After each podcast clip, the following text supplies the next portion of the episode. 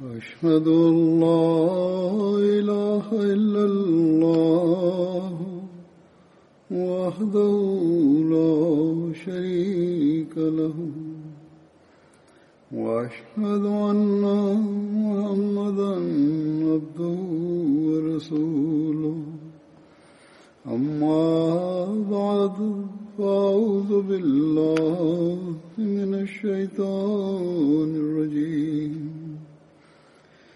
بسم الله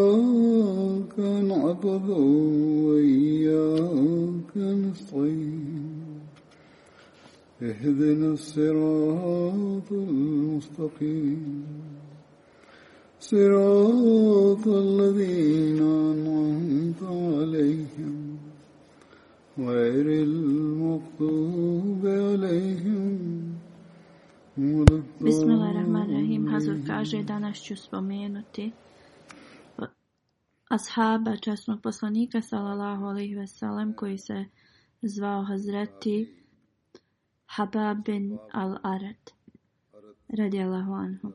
On je ashab koji je učestvovao u bici na Bedru. On je pripadao plemenu Benu Sad bin Zaid. Arad bin Džendala je bio njegov otac, a njegova titula je bila Ebu Abdullah a prema nekim drugim bila je Ebu Muhammed i Ebu Jahja. U toku vremena džahilijeta, to jeste prije dolaska poslanika sallallahu alaihi veselem, Hazreti Habab radijalahu anhu je bio prodan kao rob u, Meki. On je bio rob od Utba bin Gazvan, a prema drugima bio je rob od Umi Anmar Huzaija. On je bio šesti među ashabima e, skroz na početku ko, i on je prihvatio islam. On je bio jedan od prvih ljudi koji su otvoreno e, rekli da su muslimani i zbog toga je prošao kroz mnoge patnje. On je prihvatio islam prije nego što je poslanik sallallahu alejhi ve sellem e, dolazio u E, Dari Arkam da propovjeda e, poruku Islama u, u, toj kući. Mujahid piše da prva osoba koja je otvoreno rekla da je prihvatila islam prve osobe, to je bio Hazreti Ebu Bekr, Hazreti Habab, Hazreti Suheib, Hazret Bilal, Hazreti Amar, i Hazreti Sumeja koja je bila majka od Hazreti Amara Allahu anhu. On dalje piše da je poslanik sallallahu alejhi bio zaštićen od naroda e, od svog Amidže Ebu Taliba dok je Ebu Bekr radijallahu anhu njega su štitili ljudi iz njegovog plemena. Iako ovaj autor Hazur kaže piše u nekom drugom e, kontekstu, vrlo je važno da E, spomenemo da iako su oni bili pod zaštitom, kao na primjer poslanik pod zaštitom svog Amidže ili je Bekr pod zaštitom svog naroda, ali to nije uspjelo da ih e, sačuva od progona njihovog naroda, Mekanlija. Historija nam pokazuje dokaze u vezi ovoga i također dokaze e, protiv Ebu Taliba da je i on podnosio posljedice te svoje zaštite prema poslaniku sallallahu alejhi ve Znači ovaj autor kojeg je Hazur naveo, on piše da su oni bili zaštićeni i, um, bili su zbrinuti, ali historija nam pokazuje drugačije da to nije bilo tako. I onda on dalje piše da iako su ova dvojica bili zaštićeni, svi ostali su prošli kroz e, e, grozan tretman, e, stavljati su ispod vrućeg željeza i bili su svezani u velike lance, ostavljani na ogromnoj temperaturi na polju Šabi prenosi da Hazreti Habab radijalahu anhu, on je bio istrajan i nikada nije eh, podlegao tom pritisku nevjernika da on ostavi islam. Oni su stavljali uh, vreli stijene na njegova leđa dok njegova koža se sva nije eh, rastopila, ispržila. Ovaj čitav hadis se nalazi u Stulgaba. Govoreći o ovome, o drugom događaju u Sirat Hatamu Nebijin, Hazreti Mirza Bashir, Bashir Ahmad radijalahu anhu piše u vezi Hazreti Hababa i u vezi prihvatanja e, Islama od Hazreti Omera radijalahu anhu. Samo nekoliko dana je prošlo od e, prihvatanja islama od Hazreti Hamze radijalahu anhu kad je uzvišeni Allah podario još jednu sreću muslimanima, radost.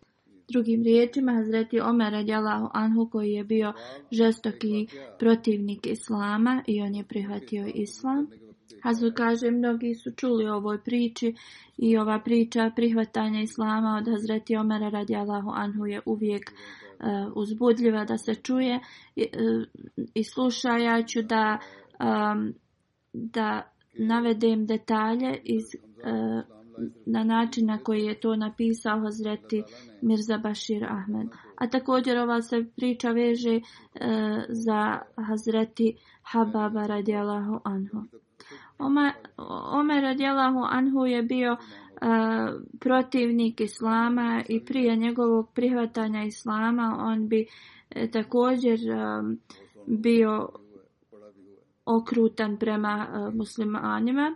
Ali kad je bi, bilo mu više dosta ovog dijela to da radi i kada je vidio da jednostavno ti ljudi ne popuštaju, on je pomislio zašto da, da ne odem i dokrećim tu osobu koja je započela ovo.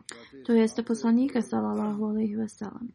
I onda u ovim mislima ustao je, uzeo je svoj mač i krenuo da traži poslanika sallallahu alaihi wasallam. Kad ga je neko ugledao kako ide sa izvađenim mačem u, u svojoj ruci, upitali su ga o Omere kuda si krenuo. Omer radijalahu on je odgovorio, krenuo sam da ubijem Muhameda. On ga je upitao, ako ubiješ Muhameda, da li ćeš ostati siguran od e, Benu Abdimanaf? On je rekao, zašto ti prvo se ne pobrižneš za svoju kuću? Tvoja sestra i tvoj zed su prihvatili islam. Hazreti Omer Anhu se odmah okrenuo i krenuo prema kući svoje sestre Hazreti Fatime radijalahu anhu. anha. Kad je prišao njenoj kući, čuo je učenje Kur'ana sa prelijepom melodijom kojeg je učio Hazreti Habab radijalahu anhu. Ovoga je još više naljutio i ušao je u kuću kad je Habab primijetio da Omer radijalahu anhu dolazi, on se sakrio negdje. A Hazreti Fatima radijalahu anhu je sakrila e, stranice Kur'ana po raznim mjestima u kući. Kada je ušao u, kuću, odmah je glasno rekao Čuo sam da si ostavila svoju vjeru. I onda je napao svog brata, e, svog zeta e, Sejd bin Zejda. Fatima radijalahu anha je također um, bila povrijeđena zato što je branila svog muža i onda vrlo hrabro mu je rekla da Omere mi smo postali musulmani. I rekla mu je uradi šta god želiš ali mi nećemo napustiti islam. Hazreti Omer radijalahu anhu je bio vrlo stroga osoba ali ispod te sve strožnosti nekada u, u u nekim situacijama bi izlazila ljubav i nježnost iz njega. I kada je čuo riječi svoje sestre, pogledao je u nju, ona je bila prekrivena krv Ovo je ostavilo veliki dojam na njega i poslije nekoliko trenutaka šutnje rekao je svojoj sestri, pokaži mi te riječi koje ste čitali. Hazreti Fatima radijalahu anha je rekla neću jer ćeš ih ti uništiti. On je rekao zasigurno neću, molim te pokaži mi i ja ću ti ih vratiti. Hazreti Fatima radijalahu anha je rekla ti nisi čist, a Kur'an mora da se uzima kad si čist. Rekla mu je prvo se okupaj i onda ću ti dati da pročitaš. Hazreti Mirza Bashir Ahmed Zaheb radijalahu anhu piše dalje.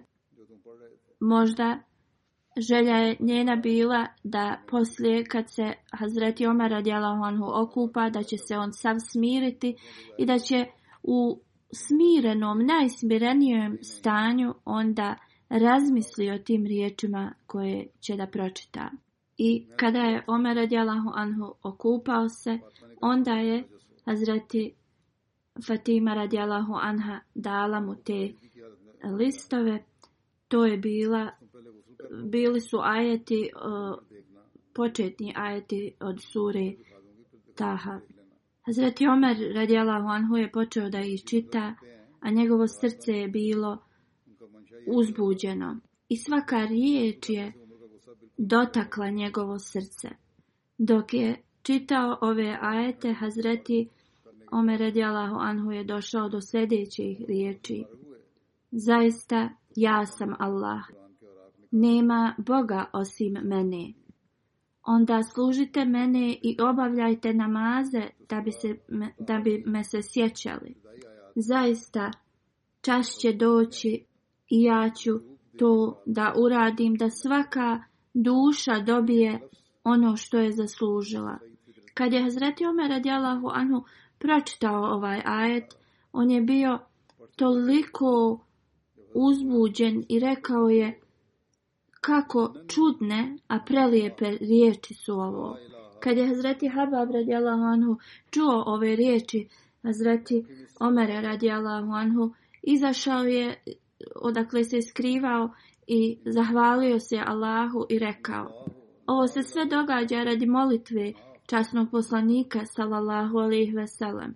Tako mi Allaha, juče sam čuo poslanika sallallahu alejhi ve sellem kako se molio: O Allahu, blagoslovi ili Omera bin Hataba ili Amar bin Hisham, to je Ebu Džehela sa islamom. Tada je svaki trenutak postajao težak za Hazreti Omera radijalahu anhu kad je pročitao Kur'an, kad je shvatio E, status poslanika sallallahu alaihi wasallam, onda je rekao Hazreti Hababu pokaži mi put do Muhameda sallallahu alaihi wasallam. Ali u tom svom uzbuđenju on je i dalje držao svoj e, mač. Nije ni, ni shvatio da nije stavio mač u njegov oklop. U to vrijeme Muhammed sallallahu alejhi ve je bio u kući Dari Arkam i Habab radijalahu anhu je e, rekao e, Hazreti Omeru radijalahu anhu gdje, gdje se nalazi. Omer radijalahu anhu je e, otišao i čvrsto pokucao na vrata te kuće. Kada su ashabi provirili kroz ta vrata, vidjeli su da on stoji ispred i držao je i dalje mač i bili su vrlo zabrinuti. Ali poslanik s.a.v. im je rekao: otvorite vrata. I Hazreti Hamza radijalahu anhu je rekao, otvorite vrata. On je došao sa čistim nijetom. A ako, nisu, ako njegovo nijet nije čisti e, čist i iskren, tako mi Allaha, ja ću mu odrubiti glavu njegovim mačem. Kada je ušao, Hazreti Omer radijalahu anhu držeći svoj mač u ruci, poslanik sallallahu alaihi veselem je krenuo prema njemu uzeo ga je za njegov ogrtač i rekao, o Omere, s kakvim nijetom ti dolaziš? Tako mi Allaha, ja vidim da ti nisi bio stvoren da bi bio kažnjen od Allaha. O Allahov poslaniče, sallallahu alaihi wasallam, rekao je Omer, ja želim da postane musliman. Kada je poslanik sallallahu alejhi ve sellem čuo ove riječi, u svojoj sreći je rekao: Allahu ekber. Allah je najveći. A ashabi časnog poslanika sallallahu alejhi ve sellem su uzviknuli glasno Allahu ekber da planine u Meki su počele da odzvanjaju.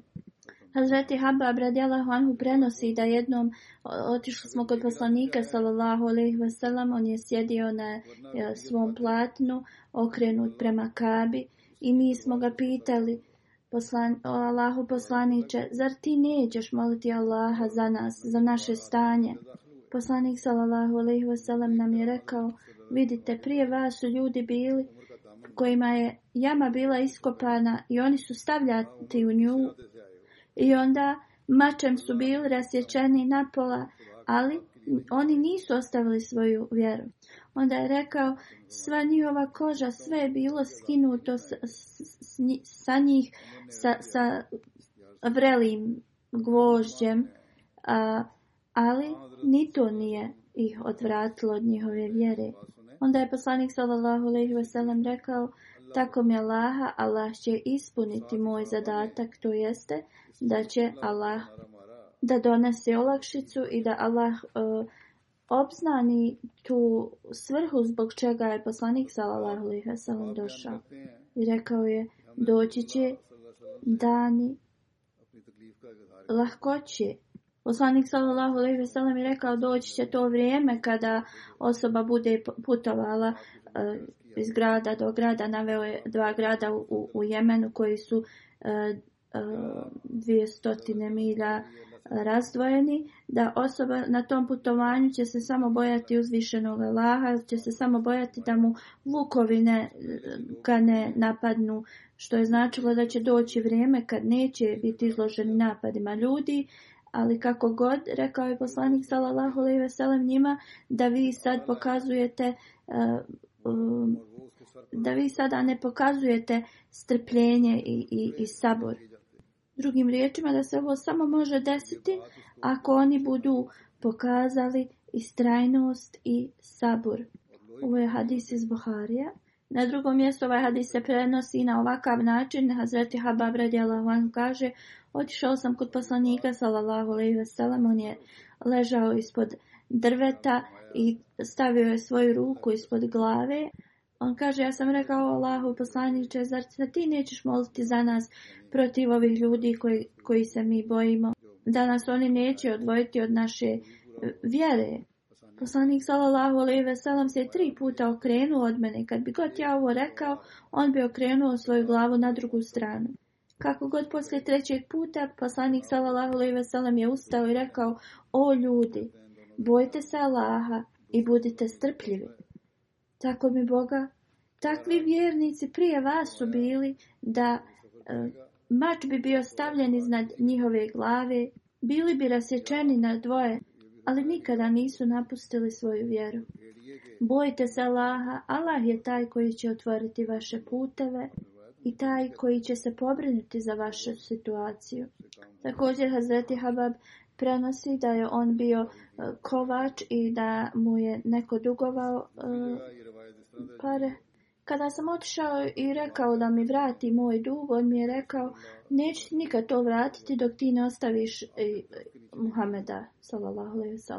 On kaže, rekao mi je dok god ne čujem da si rekao da ne vjeruješ više u, u vjeru koju si prihvatio od Muhameda, ja ti nikada neću vratiti taj dug.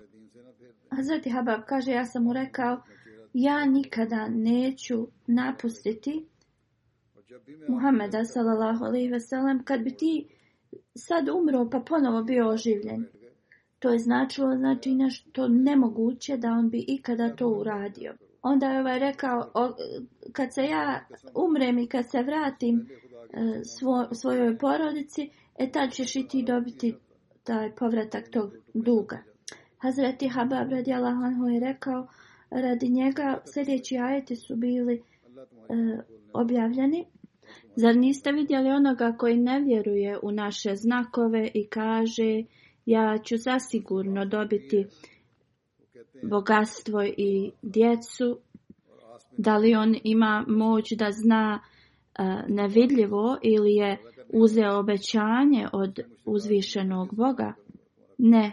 Mi ćemo zapisati ono što on govori i produžit ćemo mu njegovu kaznu i uzet ćemo mu ono sve što on govori, ali će nam se vratiti sasvim sam. Hazreti Habab radijalahu anhu je bio kovač i on je e, pravio mačeve. Časni poslanik sallallahu alejhi ve ga je puno volio i često bi išao i podsjećivao ga kada je njegova vlasnica saznala da je poslanik sallallahu alejhi ve ga da ga posjećuje, ona je počela da e, ga muči na način da bi mu stavljala e, rastopljeno željezo na glavu. Jer on je radio sa i, željezom i kad bi to stavljao u, u peć da se topi, ona bi to vadila i stavljala e, na njegovu glavu. Hazreti Habab radijalahu anhu se žalio u vezi ovoga časnom poslaniku sallallahu alaihi veselam. A poslanik sallallahu alaihi veselam se molio O Allahu, pomozi Hababu. To se ova molitba poslanika sallallahu alaihi veselam se ispunila tako da ova vlasnica od Hazreti Hababa ona se razbolila i ona je urlala kao, pa, kao to radi a doktor je tada rekao da ona treba, da bi se izliječila, mora joj stavljati rastopljeno željezo na, na glavu. I Hazreti Habab radjela Anho je to radio sa rastopljenim željezom. Znači ona nije imala drugog izbora osim da on da kao način njenog lijeka Hazreti Habab radjela Anhu joj stavlja rastopljeno željezo na glavu. Abu Leila Kindi prenosi da je Hazreti Habab radijalahu anhu otišao e, kod Omera radijalahu anhu i tada je Omer radijalahu anhu rekao priđi bliže meni jer niko osim tebe i Amar ben Jasira e, nije zaslužniji da sjedi što, što bliže naprijed uh, halifi. Onda je Hazreti Habab radijalahu Anhu pokazao svoje ožiljke koji su mu nanijeli nevjernici iz Meke. E, ovo se prenosi u Tapkatul Kubra. Još jedan e, hadis u vezi e, njegovih ožiljaka na leđima. Šabi prenosi da je Hazreti Habab radijalahu anhu otišao kod Omera radijalahu anhu i onda je Hazreti Omer radijalahu anhu pokazao mu gdje će da sjedne na tom sastanku i rekao je niko na ovoj zemaljskoj kugli ne postoji zasluženiji od tebe da sjedi na ovom mjestu, osim još jedne osobe. Hazreti Habab radijallahu anhu je upitao o emirul mu'minin, ko je ta osoba? Omer radijallahu anhu je rekao, to je Bilal radijallahu anhu. Hazreti Habab radijallahu anhu je rekao, o emirul mu'minin, on nije više zaslužniji od mene, kad bi god bio u rukama nevjernika, njemu bi uvijek neko pomaga, pomogao uz milost uzvišenog Allaha. Ali što se mene tiče, ja nisam imao pomoćnika da me zaštiti. Onda Zreti Habab je rekao, jednog dana su me okupirali e, grupa ljudi, oni su naložili vatru i bacili su me na nju. Jedan me je bacio na vatru, a drugi mi je stao nogom na prsa. I on kaže, jedino moja leđa su me zaštitila ili da je rekao jedino moja leđa su me držala e, zaštićenim. Tako nešto. Habab radijalahu anhu je onda sklonio svoj ogrtač i njegova leđa su sva bila bijela, kao kad neko boluje od lepre ili e, gube. To da, su njegova leđa ga zaštitila, to znači da jedino njegova koža na leđima ga je zaštitila od te vatre. Još jedan hadis koji slijedi Šabi prenosi da je Hazreti Omer anhu pitao Hazreti Hababa da im govori o poteškoćama kroz koje su ga stavili nevjernici. On je rekao o emirul mu'menin, pogledaj moja leđa. Kad je Hazreti Omer radijalahu anhu ugledao njegove ožiljke, rekao je nikada nisam vidio ovakva leđa. Hazreti Habab je rekao, oni bi zapalili vatru i onda bi me na nju bacali. I ništa nije bilo što bi ugasilo tu vatru osim moje kože na mojim leđima. Hazreti muslima odredjala Allahu Anhu dok je govorio o ovim događajima piše, rekao je zapamtite to da ljudi koji su najviše pretrpjeli posle prihvatanja islama su bili robovi. Hazreti Habab bin Al-Arad je bio rob koji je radio kao kovač. On je prihvatio poslanika sallallahu alejhi ve na samom početku. On je toliko propatio tog naroda da da su vadili vatru iz njegovih peći gdje je on e, topio željezo i onda su njega bacali na nju. A onda su stavljali veliki kamen na njegova prsa da se on ne može podići iz nje. Oni koji su mu trebali da plate za njegov rad nisu htjeli radi toga, ali sva ova patnja njega nije nimalo pomjerila da bi odustao od svoje vjere. Ti ožiljci na njegovim leđima su ostali do njegove smrti i u toku hilafeta Hazreti Omera radijalahu anhu. Hazreti Habab bi im često govorio o njegovoj patnji i, i tom mučenju kroz koji je on prošao u tim danima. I on bi, Omer radijalahu anhu bi ga pitao da skloni svoju košulju s leđa Njegova leđa su bila prekrivena u bijele ožiljke, kao kad neko boluje od gube. Na drugom mjestu hazreti Muslima od Anhu kaže jedan od ranijih muslimana koji je bio rob Hazreti Habab bin al-Arad radjala Anhu, on je e, pokazao svoja leđa.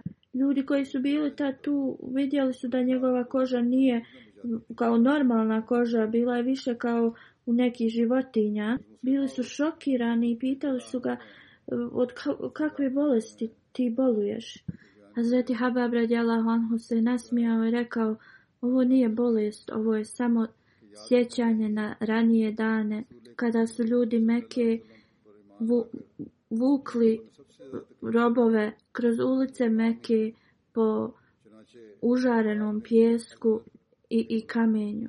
I nastavili su to da rade i to je rezultat ovih ožiljaka po mojim leđima. Ovi rani su ne samo da su bili siromašni, ali mnogi od njih su bili robovi koji su prošli kroz takve okrutnosti od Mekanlija i kao što smo čuli u vezi Hazreti Hababa radjela u Anhu koji je bio bačen, bačen na vatru, bio vuče na svojim leđima kroz ulice Medine. Iako su prošli kroz ovu na početku, ali poslije kad se islam proširio, Allah im je dao mnoge blagoslove i dao im je prelijep status širom svijeta radi toga. Zatim muslima od dalje u vezi ovoga piše da je jednom Hazreti Omer radi Allahu u toku svog hilafeta je došao u Meku i sve poglavice iz plemena su došle da ga e, dočekaju. Oni su mislili dok, jer uh, e, Hazreti Omer Radjala Anhu je poznat, e, poznaje ih i da na ovakav način da će oni tu neku čast ponovo vratiti koju su prije Islama imali u svojih plemena. I kada su došli da, da se sastanu sa Hazreti Omerom radijalahu Anhu počeli su da razgovaraju s njim i dok je se to još e, taj skup bio, Hazreti Bilal radijalahu anhu je stigao. Onda poslije njega Hazreti Habab radijalahu anhu je također stigao. I onda jedan po jedan ti prijašnjih robova koji su prihvatili islam, oni su stizali na taj skup. Sve ove osobe koje su došle, oni su bili prijašnji robovi ovih poglavica koji su došli kod Hazreti Omera radijalahu anhu. Ili su bili robovi njihovih očeva i porodice. Svaki put kad bi ovi robovi dolazili, to jeste ljudi koji su prije bili robovi, prije Islama, Hazreti Omer radi Anhu bi se pozdravio s njima i onda bi pitao ove poglavice, molim vas, malo se pomaknite nazad.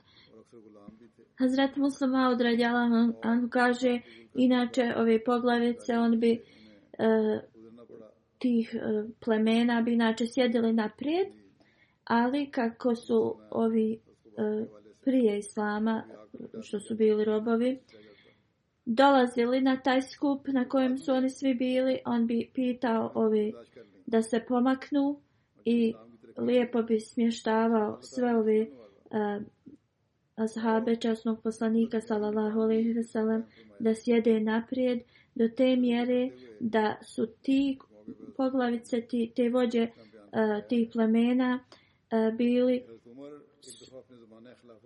pomaknuti da sjede skroz nazad gdje se obuća nalazila. I tako kad su ovi vidjeli kako se to stanje promijenilo, da oni sad sjede skroz pozadi gdje, su, gdje se obuća nalazi, a ovi ljudi koji su bili prijašnji njihovi robovi, oni sjede naprijed, bili su vrlo tužni. Hazreti Muslima radi Anhu kaže da je uzvišeni Allah to uradio na tako specifičan način na tome sastanku da jednostavno u redu ako su ovi poglavice tih plemena morali jednom pomaći nazad, oni to ne bi ni osjetili. Ali tada jedan po jedan taj prijašnji rob je dolazio na taj sastanak. To je bilo Božijom voljom da su ti jednostavno došli skroz na kraj te prostorije gdje to za njih je bilo jednostavno e, nemoguće da tu sjede i oni su se svi ustali i napustili su taj skup. I žalili su se napolju jedan drugom kako su bili kao postiđeni i kako na način da kad god bi se taj rob koji prijašnji rob naravno pomolio, oni bi bili upitani da se pomaknu nazad, onda jedan od njih je rekao, pa koga mi da krivimo u vezi ovoga? Hazreti Omera ili naše pretke? On je rekao, ako uzmete minutu i razmislite u, vezi ovoga, nikakva krivica nije do Hazreti Omera radi Allahu Činjenica je da je ovo greška naših predaka i danas smo mi kažnjeni radi njihovih greški. Ovo je zbog toga kada je uzvišen Allah poslao poslanika sallallahu alejhi ve naši e, preci su ga odbili a ovi robovi su ga prihvatili i podnijeli su sve moguće progone radi njega. I danas ako smo mi bili postiđeni, to nije radi Hazreti Omera radi Allahu Anhu. Radi je to je naša sama krivica. I kad su ovo čuli i ostali su se složili s njim i rekli su da ovo jeste greška naših predaka, ali da li postoji ikakav način da mi ovo otklonimo od nas? I onda, pošto nisu našli odgovor, složili su se da upitaju Hazreti Omera radi on. Došli su kod njega i rekli ti si sa svim svjestan šta se desilo nama danas, a i mi smo također. Rekao im je Hazreti Omer, oprostite mi, ali ja sam morao da se ponašam na ovakav način, jer ovima, ovim ljudima je bila izražena čast na sastancima časnog poslanika sallallahu alaihi veselam. Oni jesu bili vaši robovi, ali na sastancima časnog poslanika sallallahu alaihi veselam njima je bila pokazana e, pažnja, čast, poštovanje. I moja je dužnost bila da im pokažem isti način. Oni su rekli, mi znamo da je ovo radi, naših, e, radi našeg stanja, ali da li postoji ikakav način gdje mi možemo da otklonimo ovo od nas?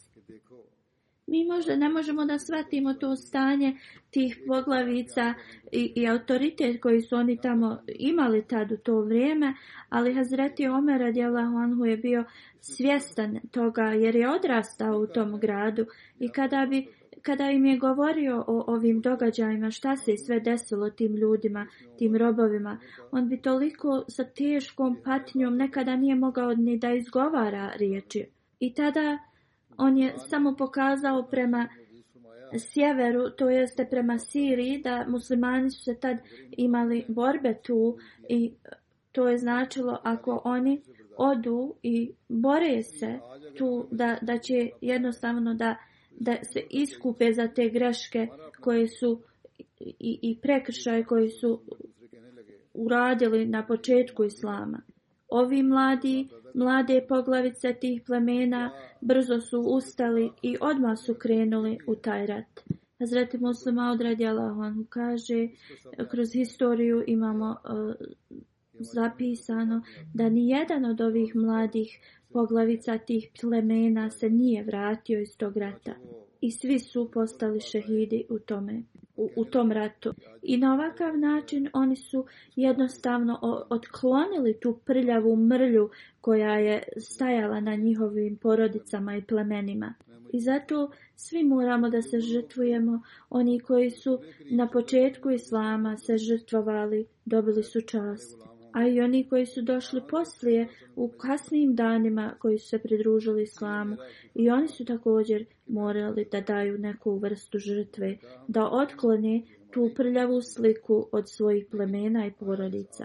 Kad se Hazreti Habab i Hazreti Migdad radijalahu anhu, kad su oni preselili u Medinu, boravili su u kući od Hazreti Kulsun Bilhidem i ostali su tu do njegove smrti. Hazreti Kulsum radijallahu anhu je preminuo eh, malo poslije eh, poslanik sallallahu alaihi veselem je krenuo na Beder i posle toga su oni boravili u kući Hazreti Sad bin Ubada radijallahu anhu. I tu su živjeli sve dok eh, nisu pobjedili Benu Kuriza. Časni poslanik sallallahu alejhi ve sellem je uspostavio bratstvo, to jest muahad između Hababa radijallahu anhu i Hazreti Tamim koji je bio oslobođeni rob od Hazreti Hiraš bin Sima. Kako god prema drugom hadisu da e, prenosi se da je poslanik sallallahu alaihi ve uspostavio bratstvo između Hazreti Hababa i, i bin Atik radijallahu A prema Alama ibn Abdelbar prvi hadis je više autentičan Hazreti Habab radjala Honhu je učestvovao u svim bitkama uz časnog poslanika sallallahu alaihi wasallam, uključujući bitke na Bedru, eh, Uhudu, Hendeku. Ebu Halid prenosi, jednom smo sjedili u džamiji, Hazreti Habab je ušao i tiho je sjeo. Ljudi su mu rekli, tvoji prijatelji su se okupili oko tebe da nam daš neke savjete i upute. Hazreti Habab radjala Honhu je rekao, kakve upute da vam dam? Bojim se da vam dam neku uputu koju ja nisam ispunio. Ovako je bila njihova bogobojaznost i, i način na koji su se oni odno, ponašali.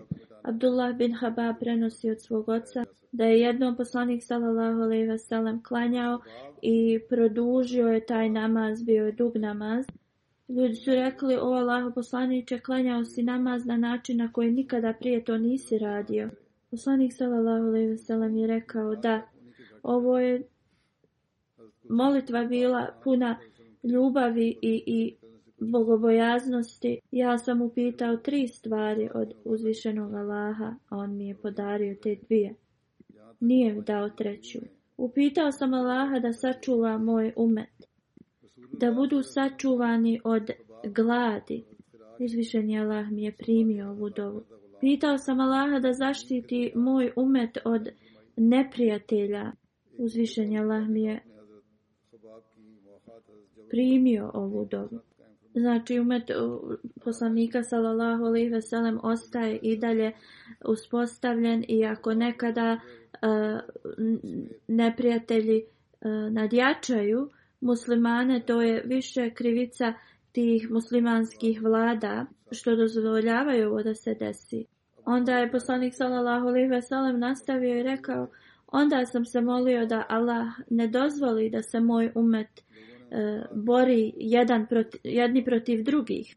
Kako god, uzvišeni Allah mi nije podar, podario ovu do, prihvatio ovu dobu kao što možemo da vidimo na današnjici da su se ljudi, muslimani su se podijelili toliko grupa, sekti i da jedni protiv drugih e, daju e, fetve nevjerovanja. Tark prenosi da e, delegacija poslanikovih ashaba su otišli kod Hababa radijalahu anhu kad je bio bolestan. Oni su mu rekli o Abu Abdullah Raduj se jer ćeš ti biti e, doveden u svojoj braći u, u dženetu, bit ćeš s njima opet e, sastavljen. Zati Habab radijalahu je rekao, vi ste spomenuli braću koju su preminuli, koji nisu na ovom svijetu bili u stanju da, da dobiju tu nagradu, ali mi smo ti koji, koji smo i na ovom svijetu E, dobili i uživali u toj Božjoj nagradi. To jeste, on se je bojao da je njihova, da je njihova nagrada od Allaha bila ta da i na ovome svijetu dobiju, na primjer, e, bogatstvo i, i, i tako slično. Hazreti Habab radjala Hanhu je bolovao vrlo tešku bolest i, i, dugo je bolovao. Harsa bin Muzerib prenosi, on kaže, otišao sam da ga posjetim Hazreti Hababa dok je bio bolestan i e, on je rekao da nisam čuo poslanika sallallahu alaihi da je zabranjeno da neko e, traži smrt svoju e, ja bi zaista tražio drugim riječima on je prolazio kroz toliku bol i kad je njegova odjeća za kao čefini donas, da koji su napravljeni u Egiptu. Bili su vrlo tanki i on je počeo da plaće i rekao je kada smo mi uh, Hazreti Hamzu radijalahu kad je postao šehid eh, pokrivali njegovim platnom on kaže kad bi pokrili njegovu glavu njegove noge bi bilo otkrivene kad bi pokrili njegove noge njegova glava bi bila otkrivena i onda su oni stavili eh, travu preko njegovih nogu on kaže ja sam prošao kroz takvo vrijeme u, toku života poslanika sallallahu alejhi kada nisam imao ni jedan dinar, a sada vidi moje stanje. On kaže moje stanje tako da imam sanduk u kojem imam 40.000 dirhama. Ali kako god ja se bojim da smo mi dobili tu nagradu na ovom svijetu. Azreti Habab anhu kaže mi smo se preselili sa Allahovim poslanikom sallallahu wa vselem, samo radi toga da dobijemo ljubav i zadovoljstvo Allaho, uzvišenog Allaha. I samo smo se nadali njegovoj nagradi. Neki su umrli i nisu ništa dobili na ovome svijetu. Jedan od njih je bio zeti Musa bin Umeir radijalahu anhu. A neki od nas od tih dobrih naših dijela uživamo te plodove ovdje na ovom svijetu. A Musa bin Umir je postao šehid u pici na uhodu i samo smo imali jedno platno u kojem smo ga mogli pokriti. Kad smo pokrili njegovu glavu s tim platnom, noge su mu bile, uh, vidjele se kad smo pokrili njegove noge, onda je glava bila otkrivena. I onda nam je poslanik sallallahu alejhi ve rekao: "Pokrite njegovu glavu, a stavite travu na njegove noge." Zaid bin Vaha prenosi da smo sjedili e, sa Hazreti Alijem radijallahu anhu kad se vraćao iz bitke Sefin. Kad smo došli do Kufe, vidjeli smo da na desnoj strani ima sedam e, mezara. Hazreti Ali radijallahu anhu pitao je čiji su ovo mezari. Ljudi su odgovorili, o al Mu'minin, kada si ti otišao u bitku Safin, uh, Hazreti Habab radijala Huanhu je preminuo. I on je u, svom testamentu napisao da bude e, ukopa izvan grada. Tada je bila praksa tih ljudi da e, svoje umrle ukopavaju u, u svojim avlijama ili blizu kuća ali kada su ljudi vidjeli u njegovom testamentu da je napisao da bude ukopan izvan Kufa i oni su također počeli da to rade, onda je Zreti Ali on rekao da uzvišeni Allah podari svoju milost na Hababa. On je prihvatio islam uh, e, sobstvenom željom, a preselio se radi poslušnosti. Cijeli svoj život je proveo kao muđahid to jeste osoba koja se trudi za, za svoju e, cijeli život, za svoju vjeru i prošao je kroz takve e, trenutke koji su narušili njegovo fizičko zdravlje, to jeste bolovao je od raznih bolesti dugo vremena. Hazreti Ali radi Allahu Anhu je rekao, kogod uradi dobro djelo, Allah mu nikada neće ukratiti njegov, njegovu nagradu.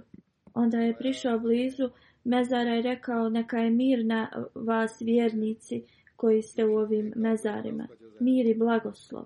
Vi ste oni koji ste otišli prije nas da bi napravili aranžmani za nas također i mi ćemo vam se uskoro pridružiti. Allahu moj podar svoju, svoj oprost njima također i nama i zaboravi njihove nedostatke a i naše također. Podari radosne vijesti onima koji su svjesni ahirata i koji rade svoja dobra djela za dan radi sudnjeg dana, a ostaju zadovoljni sa onim što im je dovoljno da ispuni njihove potrebe koji i što to radi zadovoljstva uzvišenog Allaha. Ovu je molitvu dovu je Ali uputio tad. Hazreti Habab Radjala Noanhu je preminuo u 37. godini poslije Hidžri u 73. godini.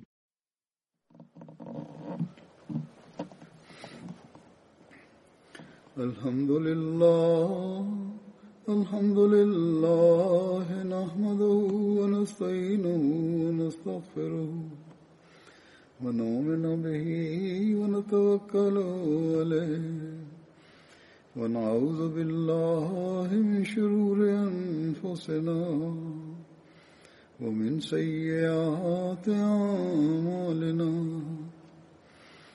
من يهده الله فلا مضل له ومن يضلله فلا هادي له ونشهد أن لا إله إلا الله ونشهد أن محمدا عبده ورسوله عباد الله رحمكم الله إن الله يأمر بالعدل واللسان وإيتاء ذي القربى وينهى عن الفحشاء والمنكر والبغي يعظكم لعلكم تذكرون واذكروا الله يذكركم وادعوه يستجب لكم ولذكر الله أكبر